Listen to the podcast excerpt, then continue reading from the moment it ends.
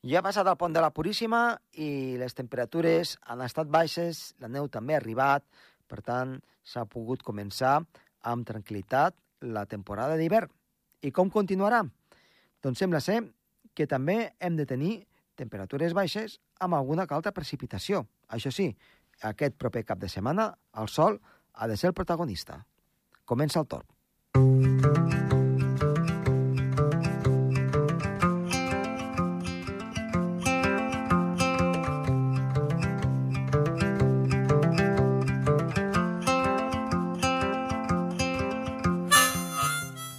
Avui els hi portem uns temes força interessants. En Gerard Tauler ens parlarà del temps, del clima i de la salut, com influeixen en la salut de les persones. I d'altra banda tindrem també el meteoròleg Marc Gasó, que ens parlarà de la neu cultivada, la neu artificial.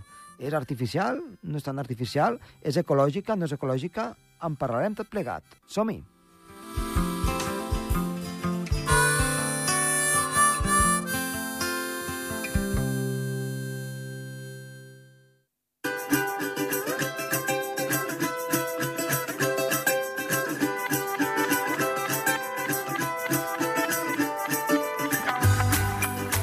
Iniciem el programa i parlem amb Gerard Tauler. Gerard, molt bona tarda. Hola, molt bona tarda, Josep.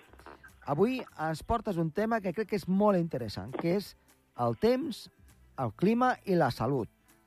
Sí, Jo crec que això està tan lligat que, vaja, eh, no cal dir que moltes vegades quan hi ha un canvi de temps tenim mal de cap, no?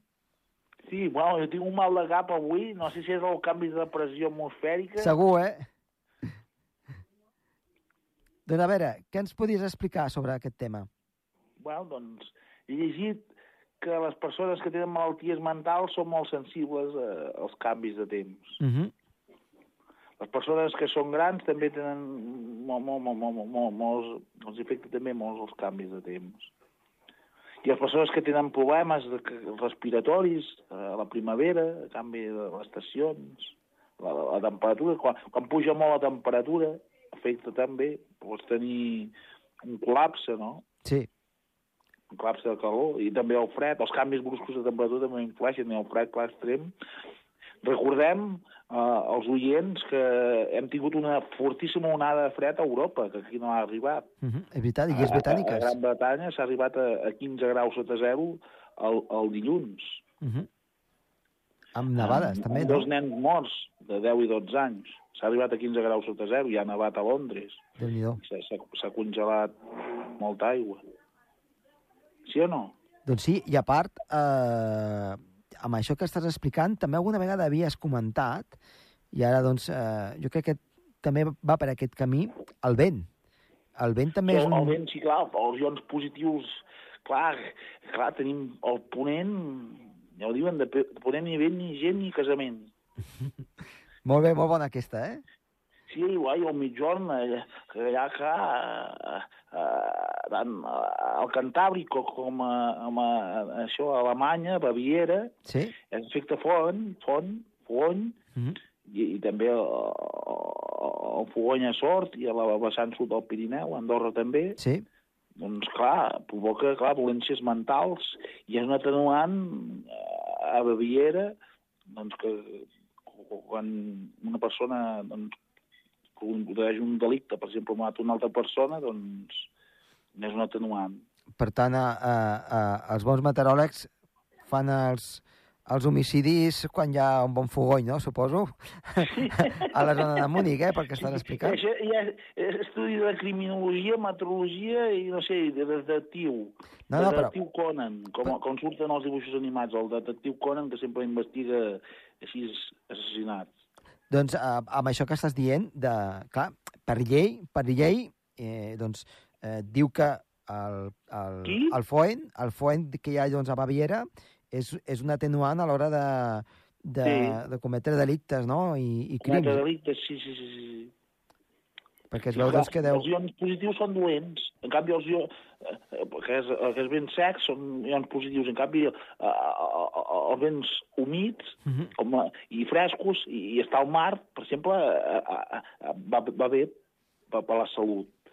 Jo sé que moltes persones els recomanen anar, a- anar a prop del mar Mhm. per, per, per els ions, posit ions negatius doncs, calmen i donen alegria. I també anar a la muntanya per les persones que tenen reuma, uh -huh. que allà l'aire és més sec.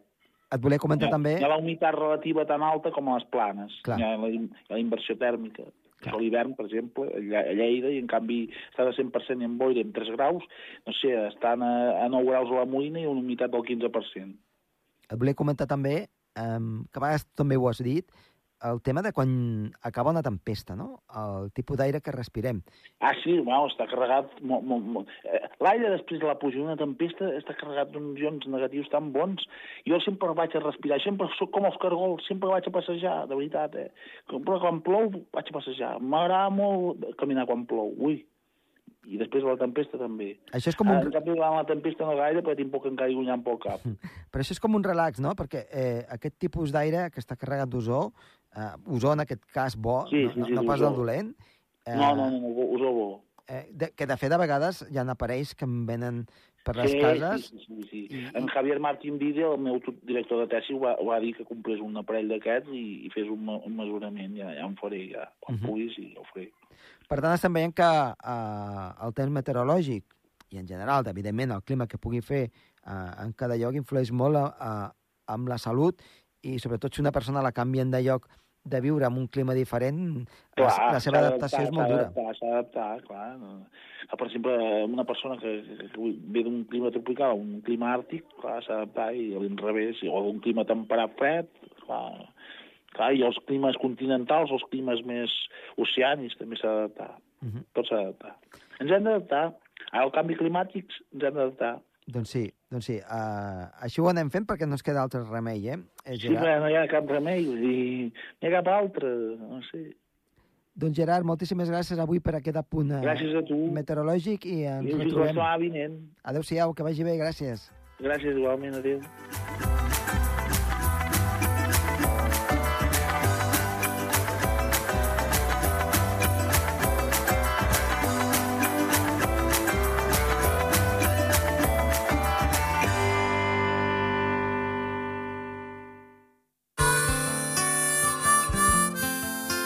El Torb, amb Josep Tomàs.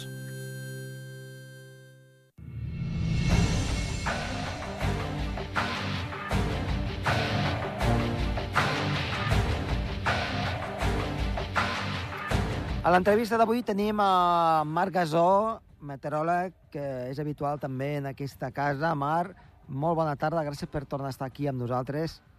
Bona tarda, gràcies a vosaltres, com sempre. Um, avui ens portes un tema doncs, que pot ser una mica polèmic, però crec que és molt, és molt interessant de poder-ho debatre una mica aquí al programa Torp.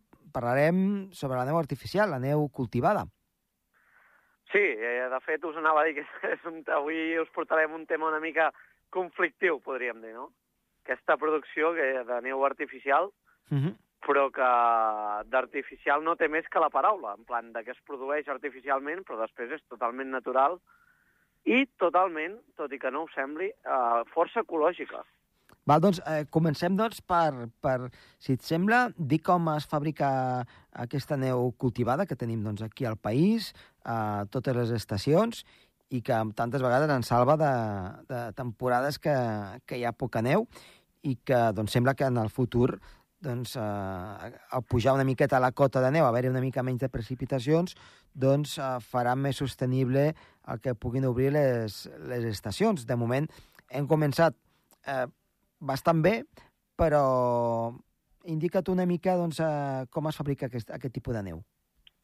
Sí, bé, el, el, el que es fa és a través d'uns llacs, que hi ha a tota, gairebé totes les estacions, si no totes hi ha, Uh -huh. doncs aquests llacs recullen l'aigua de les tempestes i de la desfeta de les neus de la temporada anterior, Uh -huh. s'omplen generalment, eh, com dèiem, amb la desfeta de les neus a la primavera, després agafen més aigua a l'estiu, amb les tempestes d'estiu, i de cara a la tardor doncs, aquesta aigua doncs, es comença a gestionar per començar a fer doncs, la producció de neu artificial ja de cara a entrat l'hivern, no? podríem dir.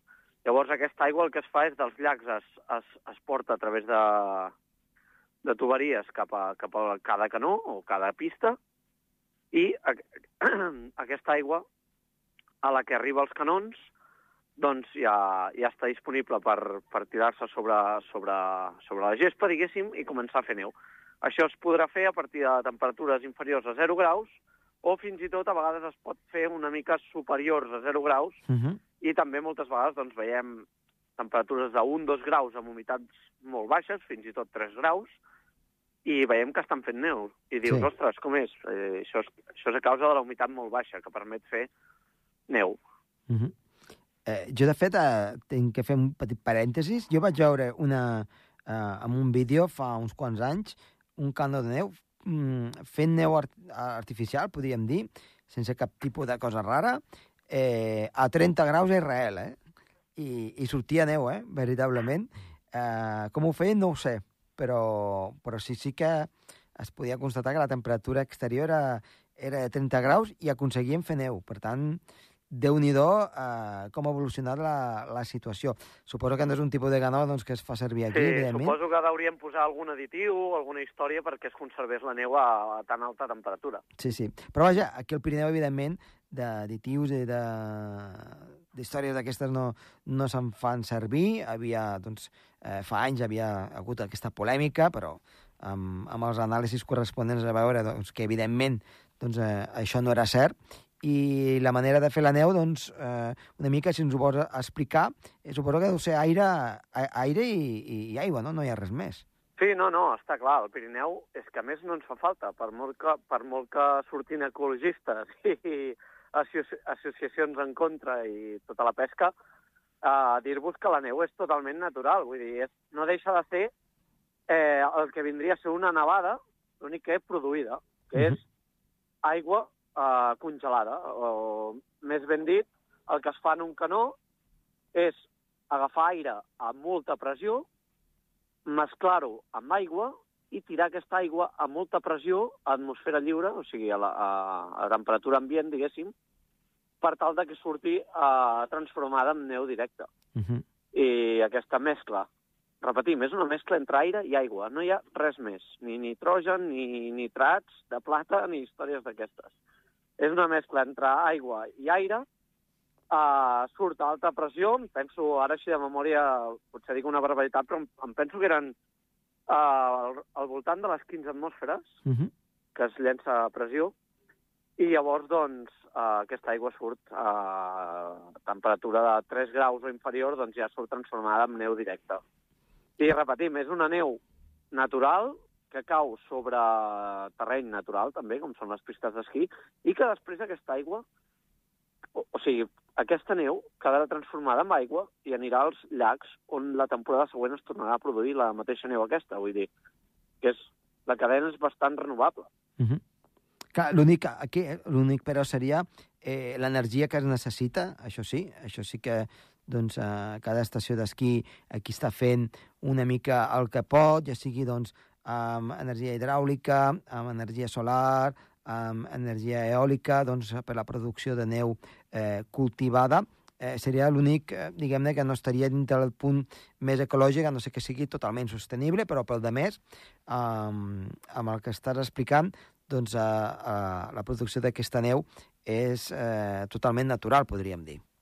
Sí, sí, com dèiem, la producció de neu és totalment natural, ecològica, si treus eh, l'apartat de gasto energètic, que evidentment transportar aquesta aigua del llac eh, fins als canons i posar els canons en funcionament, tot això té, té una despesa elèctrica que, evidentment, aquí és la part no sostenible, po- podríem dir, de, de, Però de, també- la, ne- de la neu artificial. Però, clar, és que si ens posem tan tiquismiquis, eh, llavors a l'estiu, amb el turisme de platja, passa tres quarts del mateix. Mhm. Tota la despesa energètica de cada hotel, i llums, i dutxes, i restaurants, clar... Aire condicionat. Això, aire condicionat. Després, eh, l'esport, eh, l'esport més predilecte per tots, el futbol, que ara està de moda, el Mundial de Qatar. Què hem de dir, no? Uh -huh. De l'ecologia del Mundial de Qatar. Sí, clar. És, és, En un país tan càlid i tan tòrrid com aquell, eh, posar camps de gespa verds, eh, vegetació verda que aguanta tot el dia, sorprenentment, despesa d'aigua... Vull dir que hi- ha moltes coses que jo penso, vaja, que s'haurien de, de retallar i tocar abans que posar-nos tan tiquismiquis amb el món de l'esquí, que sincerament que sabem que no és un futur a molt llarg termini al Pirineu, però sí que és un, un present i un passat que, que ha donat molt i donarà molt encara. Jo penso que encara té molta corda. Eh, jo penso que també, eh, penso igualment com tu, jo crec que encara, com a mínim, dues generacions eh, s'ha de poder mantenir l'esquí, després ja es veurà. I, Totalment. I, i t'ho diré perquè doncs, no sempre... Eh, recordo cap als anys 90 que, que deien que pel 2020 ja no hi hauria neu al Pirineu i, al, i a principis del 2000, jo recordo, eh, eh, quan va sortir la pel·lícula del Gor, no sé quin any era exactament, però era cap a la, Sí, sí, cap als principis 2000. del 2000. Sí, Sí. sí. eh, evidentment eh, no hi hauria gel, eh, al, a les muntanyes de, més meridionals aquesta cota neu estaria elevadíssima i, evidentment, els models es van equivocar. Això no vol dir que la temperatura no hagi anat pujant, eh? I que eh, les precipitacions doncs, eh, hagin anat variant i potser hi hagi menys precipitació amb una alçada, amb una cota neu una mica més elevada. Això aquí a Andorra, doncs, amb els estudis que s'han fet, eh, les difer diferents entitats de, de, de govern, doncs eh, és, una, és una cosa que no es, posa, no es pot posar en dubte, però d'aquí a mm, que acabi desapareixent jo crec que encara queda un llarg recorregut i ja veurem doncs, eh, si això es pot revertir o no es pot revertir en els, en els propers anys. No sé quin és el, el, teu, el teu pensament en aquest aspecte. Sí, jo, jo el que t'anava a dir és exactament això. Jo no diria que està reduint la precipitació, sinó que aquesta és més irregular. Uh -huh. Què vol dir això? Uh, que a vegades, uh, si abans et nevava més regularment, per exemple, a principi de temporada feia una nevadeta de 2 centímetres, a passar la Puríssima una altra de 15, arribava a Nadal i et feia una altra de 15-20 centímetres, arribava a Reis i tornava a nevar, arribava a finals de gener i tornava a nevar. Doncs ara és com que és més irregular tot plegat i potser no et fa tantes nevades, però sí que hem vist també que, per exemple, com la temporada passada, igual t'arriba una nevada a principi de temporada que ja et serveix per tota la temporada sencera. Clar, sí, sí. Que vam tenir, que vam tenir una hortada que va deixar un metre de neu per sobre de 2.000 metres i, clar, després, a no sé que vingui una calorada molt potent que al desembre-gener costa de tenir, doncs és neu que ja t'aguanta fins pràcticament finals de gener, encara Mhm. que no nevi més. I, per tant, arriscar-se en dir que no hi haurà neu al Pirineu, que les estacions desapareixeran en 10-15 anys, com s'està dient en algunes entitats o algunes persones, fins i tot força mediàtiques, doncs és una mica atrevit, podríem Bé, dir. a veure, a veure, una cosa és el món científic i l'altra és el món mediàtic, no? Eh, sí, nosaltres sí, està estem una mica a cavall, no?, de l'un i de l'altre, Sí, i hem de dir, doncs, que, que es fan moltes conferències, Eh. s'expliquen moltes coses, i aquí es genera un negoci. Eh, això està Sí, sí. claríssim. Eh, ja ho saps, doncs, Sí, sí, sí. eh, molts no. mediàtics doncs, fan moltes conferències Sí, sí. bastant cares i, Exacte. i, i, i vas a dir una mica el que la gent vol sentir. Ah, exacte, I, exacte. Però després, de, dins del que és el món científic, evidentment, aquestes no es diuen notícies falses, eh? no es donen... Sí, sí, sí. Però sí, eh, la manera de dir-ho pot influir en la manera de pensar S'intueix, exacte. després de les persones, sí. no? I, i... Mira, sense anar més lluny, aquest any, jo crec que és un clar exemple de, de, la, de la tendència de, del que podrà ser un, un futur, no? De que Mhm. ar arribàvem a principis de novembre, bueno, fins i tot en, el, en aquest programa ho vam comentar. Ostres, és que fa molta calor, no es veuen nevades per enlloc, Uh -huh. eh, ja veurem a veure si esquiarem, tothom patint, Sí, i va arribar una entrada freda a mitjans de novembre, va arribar una nortada, va deixar el Pirineu amb un canvi d'aspecte radical i, i és que pràcticament en dues setmanes vam passar de temperatures de 15-20 graus a muntanya a tot sota zero i, i, i nevant pràcticament fins als 1.200 metres. I Doncs sí. per sort, i per sort, per sort, toquem fusta, una temporada més que salvem des del principi, pràcticament. sí eh? jo, jo ja he estat aquest, aquest cap de setmana passat a Andorra, esquiant, al sector de Soldeu, Gran Valira i tot això, i puc dir que realment m'he sorprès de la...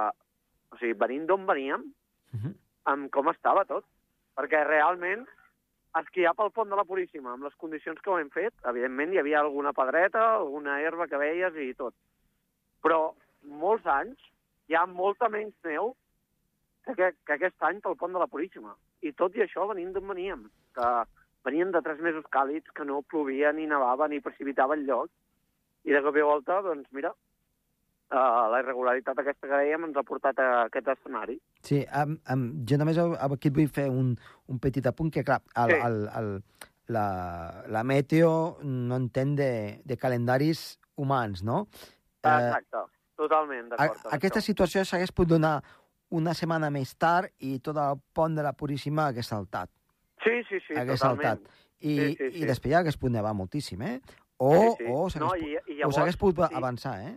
Si s'hagués saltat, llavors sí que haguéssim sentit, oh, clar, el canvi climàtic, això... Eh, exacte, eh, exacte. I aquí sí, haguéssim començat ja a vendre discursos una altra vegada eh, exacte. que, que, o sigui, el que venim a dir és que una situació meteorològica concreta d'un any o d'uns mesos no es pot englobar en un context de canvi climàtic. No. Evidentment, aquest 2022, tal com ha sigut, doncs sí que es pot englobar en un context de canvi Evidentment. climàtic. I a més et t'he de dir... Perdona, eh? Que hagi arribat la nevada, ja acabo, ja acabo. No, no, només volia fer una punt, eh, continuem eh, amb la discussió. És que aquí Sí. a Andorra eh, la temperatura, eh, no sé què sortirà perquè encara falta el mes de desembre, però Sí. estarà segurament amb dos graus per damunt de la mitjana dels últims 30 anys que és moltíssim. I no cal dir Clar. que a l'estiu vam estar 2, 3 i 4 graus per damunt de, Sí, sí. de la mitjana. I No, no, al mes de novembre. 2 graus. Octubre també, eh, altíssima. Per tant, serà, evidentment, més càlid. Això, Sí, això sí. està, està claríssim, eh?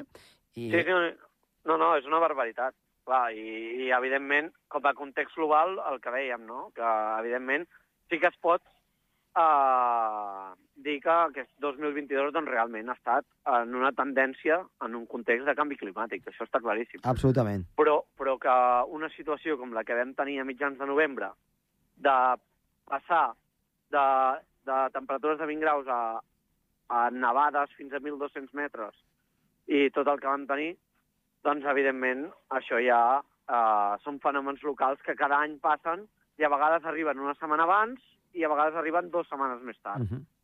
Clar, l'economia depèn d'això, una mica. Ah, exacte. I, I només de que doncs, ens arribi més aviat o més tard et fa saltar, et fa saltar les alarmes. Eh, Sí, sí, sí, totalment. I, I després no hi ha res més, eh, al, al darrere, perquè després farà el temps que hagi de fer, Sí, evidentment. sí, sí. Però també et dic eh, que un cop ha nevat, un cop doncs, Uh -huh. eh, les temperatures més o menys són les normals, encara que siguin més elevades, eh, amb inversió Sí. tèrmica, al llarg de l'hivern es van aguantant. Es van Sí, aguantant. sí. Molt malament ha d'anar per, perquè, no, perquè està en alguna estació ja al gener, febrer eh, i març. Exacte, exacte. I, I sobretot, mira, ara que parles d'inversions tèrmiques, uh, jo crec que fins i tot a la neu li va millor, o, o sigui, posats a triar, eh? una situació d'anticicló amb inversions tèrmiques i temperatures càlides a alta muntanya, però aquest anticicló també fa que les humitats siguin molt baixes a alta muntanya, Correcte, sí. és a dir, per molt que tinguem temperatures positives de 4, 5, 6 graus a pistes, per dir alguna cosa, aquests 4, 5, 6 graus són amb humitats molt baixes, que la neu aguanta força, que no que comencin a venir fronts càlids, com els d'avui mateix, uh Mhm. -huh. eh, que, aquesta setmana, que deixin neu a 2.000, 2.200 metres, i, i clar, això... I t'humitegi això tot i t'ho faci neu- malbé. Això per la, exacte, això per la neu és, és el pitjor que hi ha. Sí, sí. Doncs sí, evidentment, doncs Marc, eh, una discussió doncs, molt interessant i que doncs, anirem repetint en properes edicions del programa Torp. Gràcies i fins la propera.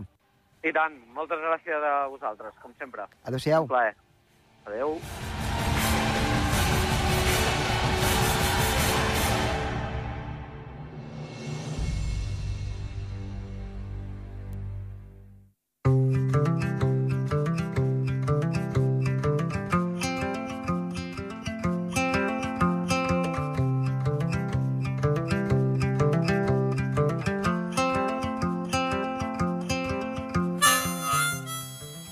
Fins aquí el programa d'avui. Esperem que els hagi agradat. Ha estat de les vies de so, en aquest cas Toni Escur, i que els ha parlat amb molt de gust Josep Tomàs Bosch. Adéu-siau.